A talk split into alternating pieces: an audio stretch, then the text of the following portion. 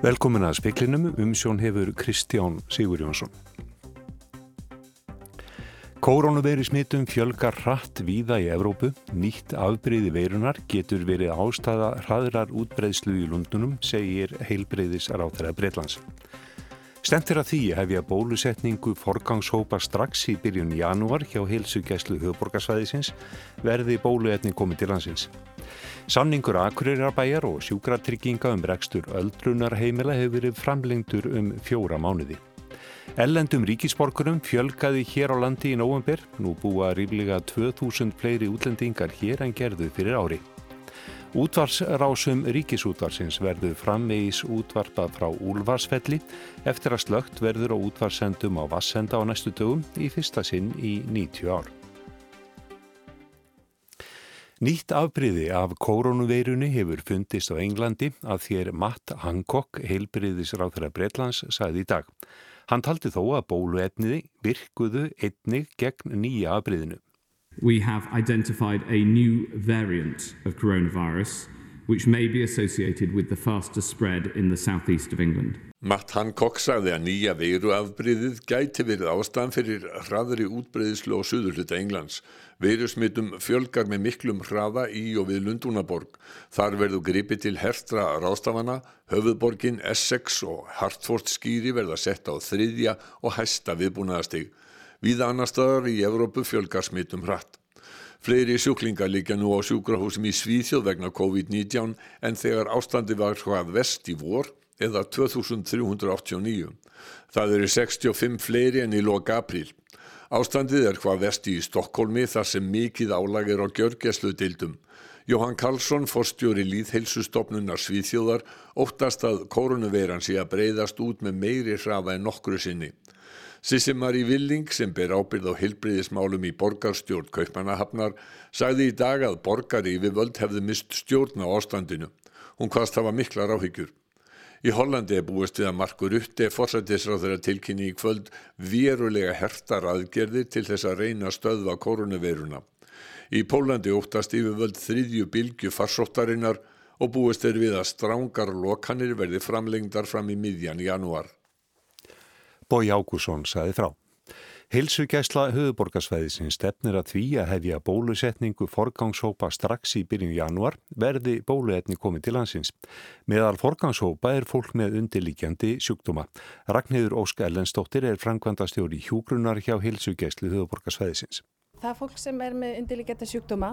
Það hefur vantilega komið til heimilisleiknis eða inn á Hilsugæslu. Það eru skráðar sjúkdómsgreiningar sem við skráum í sjúkraskrárkerfið hjá okkur Þannig að þannig getum við kallað fram þá sem eru með ákveðnar sjúkdómsgreiningar og við gætum sendt þeim skilabóð í bólusetningu. Uppfyllir þetta alveg kröfur um, um persónavend? Já, við viljum vera svona framvirk heilsugjæsla.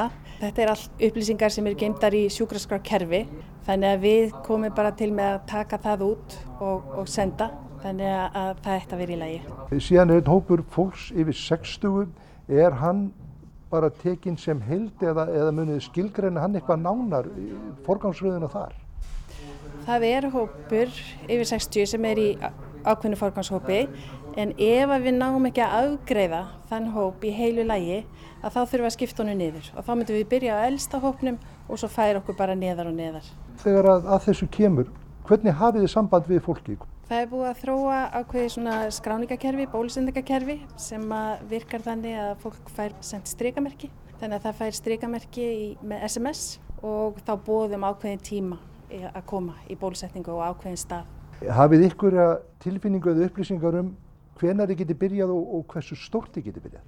Sko nú fer þetta allt eftir því hvenar bólaefni kemur, hvenar við getum byrjað. En við erum svona að vinna með þá sviðsmynd að við getum byrjað bara strax eftir áramót og við erum jáfnveil bara komið með dagsendingu að við viljum helst geta byrja bara 3. janúar ef að bólefni verið komið en annars bara vinnum við dag frá degi eftir það hvernig það er tilbúið. Saði Ragnhildur Ósk Ellensdóttir í samtali við Haugholm. Samningur Akureyrarbæjar og sjúkratrygginga um rekstur öldrunarheimila hefur verið framlengtur um fjóra mánuði. Bærin sagði samningnum upp fyrr á árunni og ríkið áttið og breyttu að taka við reksturinnum um áramót. Ástildur Sturludóttir, bæjastjóri á Akureyri, segir beðinu um framlengingu hafa komið frá heilbreyðisráðunetti og sjúkratryggingum og ástæðan sögð þær sérst stöku tímar sem nú eru uppi. Bærin hafi talið það ábyrga afstöðu að ganga að því. Í dag var nýr samningur undir í dagur og segir ástildur hann hagstaðari fyrir bæin en fyrir samningur. Ekki standi til að reka öldrunar heimili lengur en þessa fjóra mánuði til viðbútar.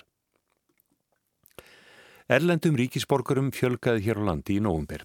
Þá búa ríflega 2000 fleiri útlendingar hér en gerðu fyrir ári. Þeim gengur verð að fá vinnu en Íslandingum. Rúmlega 51.000 erlendi ríkisborgarar eru búsettir hér á landi að þér kemur fram í tilkynningu þjóðskrár. Þá kemur einnig fram að þetta eru rúmlega 2000 fleiri en fyrir ári þrátt fyrir samdrátt í ferðarþjónustu sem hósti fyrra og helt áfram í koronaviru faraldrinum. Frá 1. november til 1. desember fjölgaði erlendum ríkisborgurum hér um 129. Ef ringdir nánar í þessa tölu kemur í ljós að mjög misjamtir eftir þjóðarnum hvort það fækkar í hópi þeirra hér á landi eða fjölgar. Þannig erum 50 færri frakkar og litáar hér en voru í novemberbyrjun en 50 fleiri tjekkar. Almennt er atvinnulegs á landunum 12%. Erlendi ríkisborgarar fara þó verð út úr þessu en þeir sem fætir eru hér á landi. Þannig er atvinnuleysi 24% meðal erlendra ríkisborgara. Unnur Sverristóttir Forstjóri vinnumálastofnunar segir að afar erfitt sé að fá vinnum þessar myndir. Það gangi þó heldur verð hjá erlendum ríkisborgarum en Íslendingum. Sama hafi verið upp á teiningnum eftir bankarhunnið. Kristín Sigurðardóttir saði frá. Atkvæði voru greitt á alþingi síðdeis um hefði svokallaða sendiherra frumvarp utanengisráðherra að lokinni annari umræðu en afgreðslu þess var frestaði fyrra. Guðlugur Þór Þórðarsson, utanengisráðherra, sagði við atkvæðagreiðsluna að nú væri í fyrsta skipti verið að setja reglur um skipan sendiherra og í rauninni þá að stæstum hluta losa um þetta æviráðningarferli sem hefði verið til staðar fram til þessa, sagði utanengisráðherra.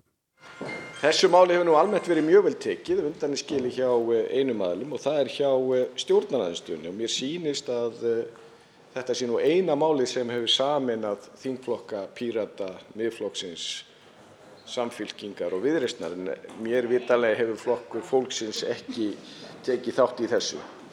Við sittum hjá og við munum greiða atkvæði gegn því ákvæði sem veitir ráð fyrir allt og rúmar heimildir til þess að skipa sendiherra eftir eigin gæþóta. Almennt vel tekið, segir hæstv. ráðherra, sem er vitanlega ekki rétt. Engin umsögn var jákvæð fyrir þessum máli sem kom inn. Sagði Gunnar Bræi Svinsson, fyrfirandi utanrikiðsráðara. Þórildur Sunna Ævarstóttir var að forma Dingflokks Pírata á undan honum og fyrstu talaði Guðlugur Þór Þórðarsson utanrikiðsráðara við atkvaða greiðsluna síðdeis. Útvarpsrásum ríkisútvarsins verður framvegis útvarpa frá Úlvarsfelli eftir að slögt verður og útvarsendum á Vassenda á næstu dögum í fyrsta sinn í 90 ár. Þar rýs íbúðabyggð og útvarsendarnir víkja fyrir henni. Rondó flist alfarið yfir á vefin með flutningunum. Hlustendur Rásar 1 og Rásar 2 á höfuborgarsvæðinum hafa alla tíð heyrt útsendinguna í gegnum mastrið efst á Vassendakvarfi. Þaðan hefur verið útvarpað síðan 1930 þegar að ríkisútvarpið fór fyrst í loftið. Fyrsti sendirinn sem reistur var á Vassenda fyrir 90 árum stendur þar enn og er svo stóra að það hægt er að ganga inn í hann. Í dag eru sendarnir sjálfur til tölulega smáir í sniðum þó möstrin rísi enn hátt.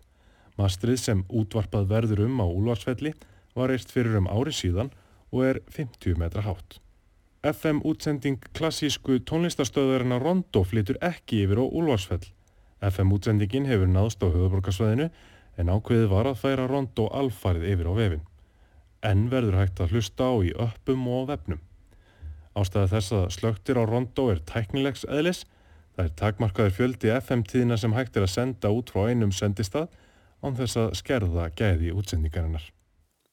Birgir Þór Harðarsson saði frá.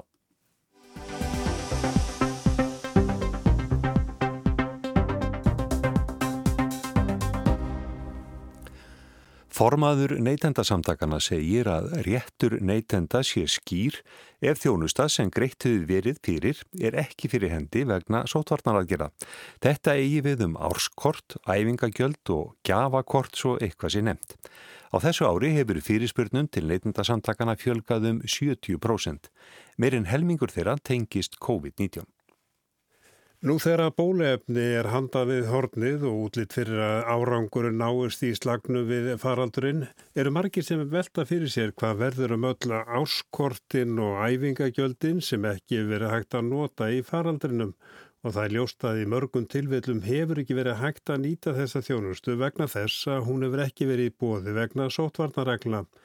Réttu neytenda er nokkur skýr þegar kemur að gildist tíma, segir Breki Karlsson, formadur neytendarsamtakana. Já, við skoðum þetta í fyrstu bylgu farðursins og þar komist við að því að, að neytendur eiga rétt að því að fá framlengt uh, æfingatímabils hérna, kort, uh, árskort og, eða mánaðarkort eða slíkt uh, eða fá endurgreitt hlutfalslega við tíman sem við missa niður.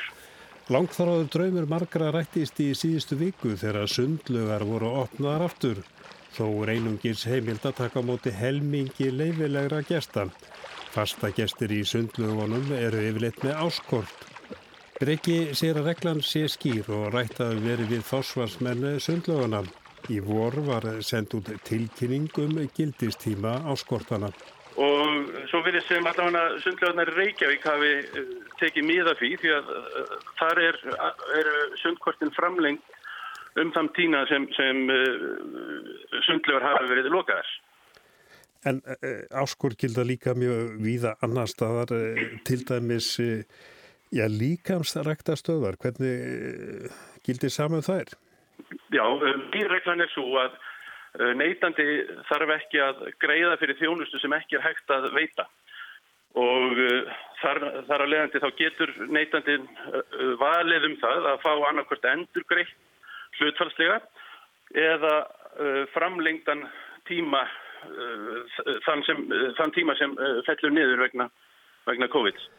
Líkamsræktastöðar eru lokaður og verða það fram yfir áramót þó að sundlugar síu opnar þessa stundina er ekki útlokað að þeim verði lokað ef ný smittbylgja rýður yfir. Og það verður gengið erfilega að koma leikúsónum af stað, nánast engar síningar að veri frá því að faraldurinn skall á í vor. Nú er heimilt að halda síningar fyrir alltaf 100 börn Þá hafa leikursinn heimild til að taka móti 50 fullornum gestum af uppfylltum ákveðnum skilirðum. Það er ekki nægilega mikil fjöldi til að bjóða upp á reglulega síningar. Breki segir að sama reglan er gildum leikursinn. Þegar kemur að gjafa kortum eða ásmiðum er annarkvort hægt að fara fram á endugreislum eða framlengingu á gildistíma. Hann segir að þetta sé á hreinu. Eina undatekningin er að hafi verið skýrt tekið fram uh, í upphafi að, uh, og tekið fram í skilmálum uh, kortsins eða einegnarnotunar eða eitthvað slíkt um gildistíma þá, þá hérna, gildir, gildir það. Og sömurreglur gilda til dæmis um æfingagjöld barna og unglinga. Megin reglan er svo að, að ef ekki hægt að, að veita þjónustuna þá áheldur ekki að rukka fyrir hana um, og, þar að leiðandi þá uh, hafi fólk verið búið að fyrirfram greiða æfingagjöld uh, þá áðað rétt á því að fá við endur greitt hlutvalslega nú eða notaði sem innegn í æfingagjöld næsta áls eða, eða næsta tímabils uh, þegar hægt verður að veita þjónustuna sem kæft er. Það er ljóst að COVID hefur áhrif á rétt neytenda og ýmsum sviðum fyrir spurnum hefur heimlega rengt yfir neytendasamtökinn. Já, uh, fyrirspörnum í ár hefur fjölgat um 70% og uh, meir en helmingur þeirra fyrirspörnum að tengjast uh, COVID og aðalega eru þetta, í upphæfi var þetta aðalega varandi ferðalög, pakkaferðir og flugferðir en nú um þessar myndir er þetta aðalega um einniglanótur eða gjafabref eða eitthvað slíkt um, vegna þjónustu sem ekki hefur verið hægt að veita í ár. Annað aðtriði að nú er allir að kaupa jólakefir og fá jólakefir með ákveðnum skilarétti er komið á hreint, verður hann framlengtur? Við höfum hvart samtök Vestlunar á þjónustu til þess að framlengja skilafrest í ár vegna ástandsins. Í venjulegu árferði þá náttúrulega sjáum við af því fréttir í, í, í fjölmiðlum í, um langa raðir sem myndast þegar að fólk er að skila já, auka bókinni sem það fekk eða, eða sokkunum sem voru stórir eða eitthvað slíkt. En núna með fjöldatakmörkunum sem, sem gilda þá verður það ennþá erfiðara fyrir, fyrir fólk að, að skila og ræðina verða ennþá lengri og sérstaklega að því að milli jól og nýjars í ár eru einingis þrýr og halvur virkur dagur. Og er komið svar við þessu að verði, þetta verði framlengt? Það er ekki komið endalegt svar en, en, en við náttúrulega bara beinum þeim tilmælum eða óskum til allra vestlana og, og, og þjónustu aðeila að, að þeir taki mið af aðstæðum sem ríkja í, í þjóðfélaginu í dag. Sagði Breki Karlsson, formaði neytindasamtakana, Arnar Pál Haugsson talaði við hann.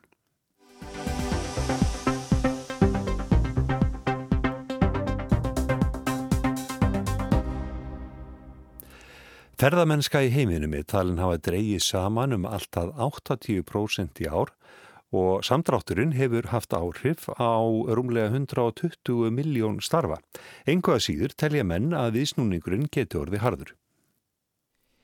Í nýlegri könnun sem gerð var fyrir World Travel and Tourism Council, 12 af TTC, sögðust 83% stefna á ferðalög. Á mentamorni ferðarþjónustunar í dag fór Gunnar Þór Jóhannesson, profesor í ferðamálafræði, yfir horfurnar og vissulega sé þetta allt óvissu háð og óljóst hver langan tíma það tekur ferðarþjónustuna að rýsa upp að nýju. Almenningur og fólk er bara orðið þreytt á að sitja heima og það er mikil ferðavilli til staðar og þá kemur að því að hvernig svona mun þetta svo fara að stað aftur og, og þá sjáum við að, að fólk uh, er að horfa til náttúruferðar mennsku staða sem bjóð upp á meira strjálbíli, staða sem hafa góða innvið og bjóð upp á öryggi og þannig svona ramma. Þannig að fólk er tilbúið að kaupa góða þjónustu og kaupa svona þetta, þetta öryggi að það sé örugt um, um heilsusínun alltaf sérstaklega en líka ferða tilhugun þannig að það er meira eftirspunni eftir sko sveigjarlegri bókunum að hægt sé að breyta ferðum og því en líkt. Og við getum líka ætlað að, að þessi hópir fólk sem munir fara fyrsta stað eru vantilega þeir sem eru vei, með svona betur megandi og hérna hafa meira millir handana eru til dælu vel upplýst og hyggja á kannski sjálfstæðari ferðalög. Vilja hérna svona komast svona aðeins út úr kraðækjunu og þetta er allt í takt við það sem við erum ofta að tala um í tengslu við sjálfbærari ferðarþjónustu og það er akkurat það sem áfangastæðir víðum heim er að horfa til hvernig við byggt sér upp á sjálfbærar hátt til að þá mæta þessum óskum og þá líka til lengri tíma litið að, að hérna, taka betur ábyrða á þeim áhrifum sem ferðarþjónustan vissulega hefur. En hvað fælst í, í sjálfbæri ferðarþjónustu? Það er alltaf ótalmart þessi, þetta hugtak er, er hérna mjög vít en, en vísa til þess að við séum ekki að ganga á auðlindi jörðar þannig að við séum að skemma fyrir möguleikum komandi kynslu að lifa sómasamluðu lífi. Og þannig að í grundaldra aðtröðum finnst mér alltaf gott að tengja þetta við ábyrð en þess að ábyrð hún svona tengist aðtöfnum okkar frekar. Þannig að við hugsaum um það við þurfum að taka ábyrð á því sem við erum að gera og þeim áhrifum sem starfsemi okkar hefur að þá erum við strax búin að taka mikilvæg skref í átt að sjálfbæri er í þó atvinnuháttum og sjálfbæri er í lífstíl líka. Þannig að þetta er bara eins og það kemur að neslunni að við tökum ábyrð á ruslinu og við kannski hugsaum okkur aðeins tviðsvar um ef, ef vara verist vera fyrðulega ódýr að þá kannski erum ekki framleitt á þann hátt sem við vildum helst. Þannig að þetta snýst kannski fyrst og semstu um það að hérna, hugsa um tengslinn sem ferðarþjóðstan á í, í við uh, þá við samfélag, við náttúru og, og menningu og, og huga því erum við að gera nægilega vel og erum við að standa okkar plikt og hérna erum við að taka múti okkar gestum á þann hátt sem við viljum og, og frekast getum Undanfærin ár og áður en COVID-19 skall á hafði víða áriði vart óþóls í garð ferðarþjónustunar og ferðamanna talað um ofgnótt og áþján af ferðamönnum. Það er kannski alveg skiljanlegt sko, þó ég sé eh, persónulega frekar gaggrinn á þetta hugtak ofgnótt eða overtourism, sem er að breið oft yfir sko einn raunverulegu vandamál að hérna og, og eiginlega fjölbreytileikan sko. Ísland var til dæmis að skora á svona topp tíu listum yfir áfangastæði sem þjáðust innan gæðslepa af ofgnótt ferðamanna hérna fyrir COVID. Og ég held að það hefði verið mikil einföldun þó að við höfum vissulega kannski haft ákveðna áfangastæði og ákveðnum tímum sem kannum sé þessi merki sko en ofgnótt ferðarþjónustunar vísa til þess til dæmis að þá finnst heimafólki að, að hérna það sé verið að sko að ferðarþjónustunar sé raun að vera að að rýra lífskeiði fólks. Og þá er ferðarþjónustin ekki að leggja til við vöxt og velsælt heldur að draga úr því. Og, og það er akkurat ástand sem við viljum forðast. Og það getur verið mjög raunverulegt. Þannig að það, við verðum að taka það alvarlega þau merki.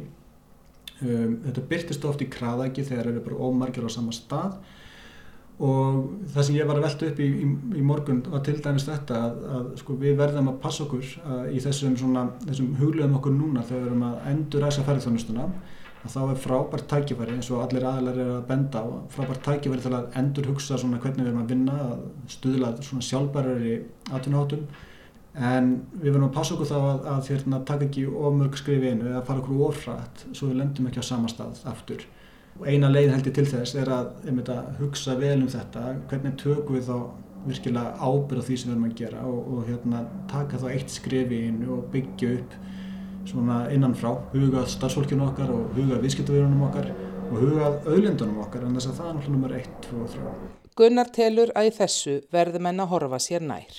Þannig við erum svolítið fókusur á það oft í umræðum ferðarþjónustuna að, að ferðamenn séu einhvers konar vandamáli eða einhvers konar auðlind eins og síldin og hérna, við þurfum að setja kvóta eða eitthvað svoleiðis Um, það gæti átt við á ákveðnum stöðum, ákveðnum tímum, uh, til dæmis ákveðnum fjöldatakmarkaður inn á staði, viðkvæm náttúruvöndarsvæði eða eitthvað þvíin líkt, en sko tilfinning fyrir fjölda er mjög afstæð. Þannig að hérna, þess að þér finnst að vera allt og margir ferðarmenniðir í Reykjavík, miðbæ, miðbænum, að það finnst mér bara að vera svona skemmtileg borg sem býður upp á líf og fjör. Ég held að það sé mjög mikilvægt að þess að hugsa miklu frekar út frá okkur sjálfum og reyna að stjórna okkur og taka umræðana. Hvernig viljum við til dæmis hérna, byggja upp samfélag? Eh, hvernig hérna, ferðarþjónustu viljum við hafa hérna í samfélaginu kringum okkur? Þess að ferðarþjónustun er þannig aðtunugrein, hún snertir svo marga og ég held að það sé akkurat, svo tengjum við það sem við byrjuðum á, hérna, að finna fyrir veil í dag, að ferðarþjónustan stóð fyrir rúmlega, eða tæplega 9% að verkefni þjóðarframlýsli hérna fyrir fyrir COVID, þannig að þetta er gríðilega stór þáttur í okkar hagkerfi. Afleitt áhrif ferðarþjónustunar eru mjög viðtæk og þetta snertir svo marga þætti og marga kema í, í bæði hagkerfinu en líka bara í samfélag okkar og menningum. Og þess vegna ættum við að byrja á að spyrja okkur sjálf hvernig viljum við hafa þetta, eh, hvernig viljum við ganga um hálendu okkar, um auðlendunum okkar og reyna að snýða okkar stjórntæki eftir því. Marg nefnd óvisa um framtíðana er mikil, um það eru greinendur allir sammála. Flesti samt búast við tildöðulega hröðum batar, svo má segja, um, þegar bólusetningar var í ganga ef þær eru svo árangarsíkar eins og vonir standa til. En flestir uh, sem ég hef séð er að tala um að, að svona setni hluta 2021 þá séu virkilega farin að sjá landið í Ísa en ekkert endilega fyrr og hvað okkur verðar og það skiptir náttúrulega mestu máli fyrir okkur að til að byrja með að koma málum að reynd hér innanlands, tryggja áfangastæðin ef svo má segja, eh, geta sannarlega sagt að við bjóðum upp á örug og upplifun og verðum með svona skýra verkferðla og skýra ramma þegar við tökum á móti ferrafólki frá öðrum löndum. En okkar mikilvægastu markaðar eru Bandarækinn og, og Breitland og Vestur-Europa og, og við þurfum þá að hingra og sjá hvað verður þar áður en við getum sagt nokkuð með vissu. Ísland sem áfangastæður ætti að standa stert til að já, ná sér stryk til til að fljóta aftur. Við erum með góðar tengingar við helstu markaði. Svo erum við líka með þá aðdraðraflið sem mjög margir eiga eftir að sækjast í. Við erum með til til að góða innviði, öruð samfélag, gott heilbreyðiskerfi og svo þetta, við þurfum alltaf að passa upp á það að að styðja við ferðarþjónustuna þannig að hún hafi bólmagn til að taka þessa endurhugsun til að hérna, þróa sér til vörúrval og þannig hún standi virkilega undir því að geta bóðu upp á sjálfbara ferðarþjónustu í alvörunni. Sagði Gunnar Þór Jóhannesson. Anna Kristín Jónsdóttir talaði við hann.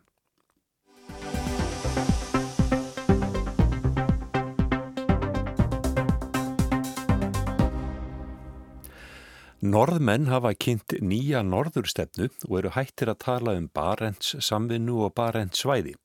Núna eru varnarmál efstabögi til að mæta auknum umsvifum rúsa í norðri. Orðalagið er farið að minna á gamla tíma á dögum kaldastriðsins. Kalt stríð er ekki skollið á í norðri og allt með friði. En það eru vísbendingar um vaksandi spennu millum NATO-ríkjana og rúsa á norðurslóðum. Þetta sést meðal annars af nýri yfirlýsingu norsku ríkistjórnarinnar um stefnuna í norðri og nýjar áherslur í varnarmálum. Hinn nýja norðurstefna var kynnt í Alta sem áður var höfustadur Finnmerkur fylgis og þar töluðu bæði Íni Eriksen Söröyði, utaríkisráþura, þar á staðnum og Erna Solberg Fossætisráþura á fjarfundi. Mikið var lagt í kynningu norðurstefnunar og meiri áhersla nú á landslutan en verið hefur undanfarið þjá ríkistjórn Ernu Solberg. Forsættisráttur að sagði á fjarfundi sínum. Utenriks- og sikkerhetspolitikk er helt sentralt i nordområdepolitikken. Og det må ses i sammenheng með mennesker som bor i nord. Utaríkis og varnarmál eru miðlæg í norðurstefnunu, sagði Erna Solberg. Orðalagið er farið að minna á það sem var fyrr á tíð Torvald Stoltenberg þegar hann var utaníkisráþura og eftir fall Sovjetríkjana. Hann kynnti þó nýja stefnu um Barents samfunnu og Barents svæði þar sem norðmenn hugust fylla tómarúmið í norðri þegar kaldrastýrinu var lokið. Nýtt Rúsland var á brauðfótum og ógnin úr austri horfin þá í bíli að minnstakosti. En nú eru hugtökin um Barents svæði frá Torvald Stoltenberg horfin og þessi stað áhersla á norðurstefnu og á varnarmál. Barents svæðið er ekki nefnt og það er komin skýr markalína eins og áður val millir NATO-ríkisins Noregs og Rúslands. Rúsum líkaði aldrei þessi langum norðmann í meiri áhrif austur á rúsnesku landsvæði á Kólaskaga. Norðmenn opnuðu fjölmenna ræðismannsskrifstof í Múrmansk og vildu gjarnan fá að reynsa til í kjarnorkubúnaði rúsa þar. Rúsar voru ekki hrifnir. Núna verðist þetta liðin tíð. Norska ríkistjórnin leggur áherslu á atvinnu þróun innan norsku landamærarna og að styðja byggð þar. Það er hluti af vörnum landsins. Nistu hér en Noregs er ekki glemt á stjórnarskrifstofunum í Óslo þótt fólki fækki. Det som er bra for Nord-Norge er bra for hele landet.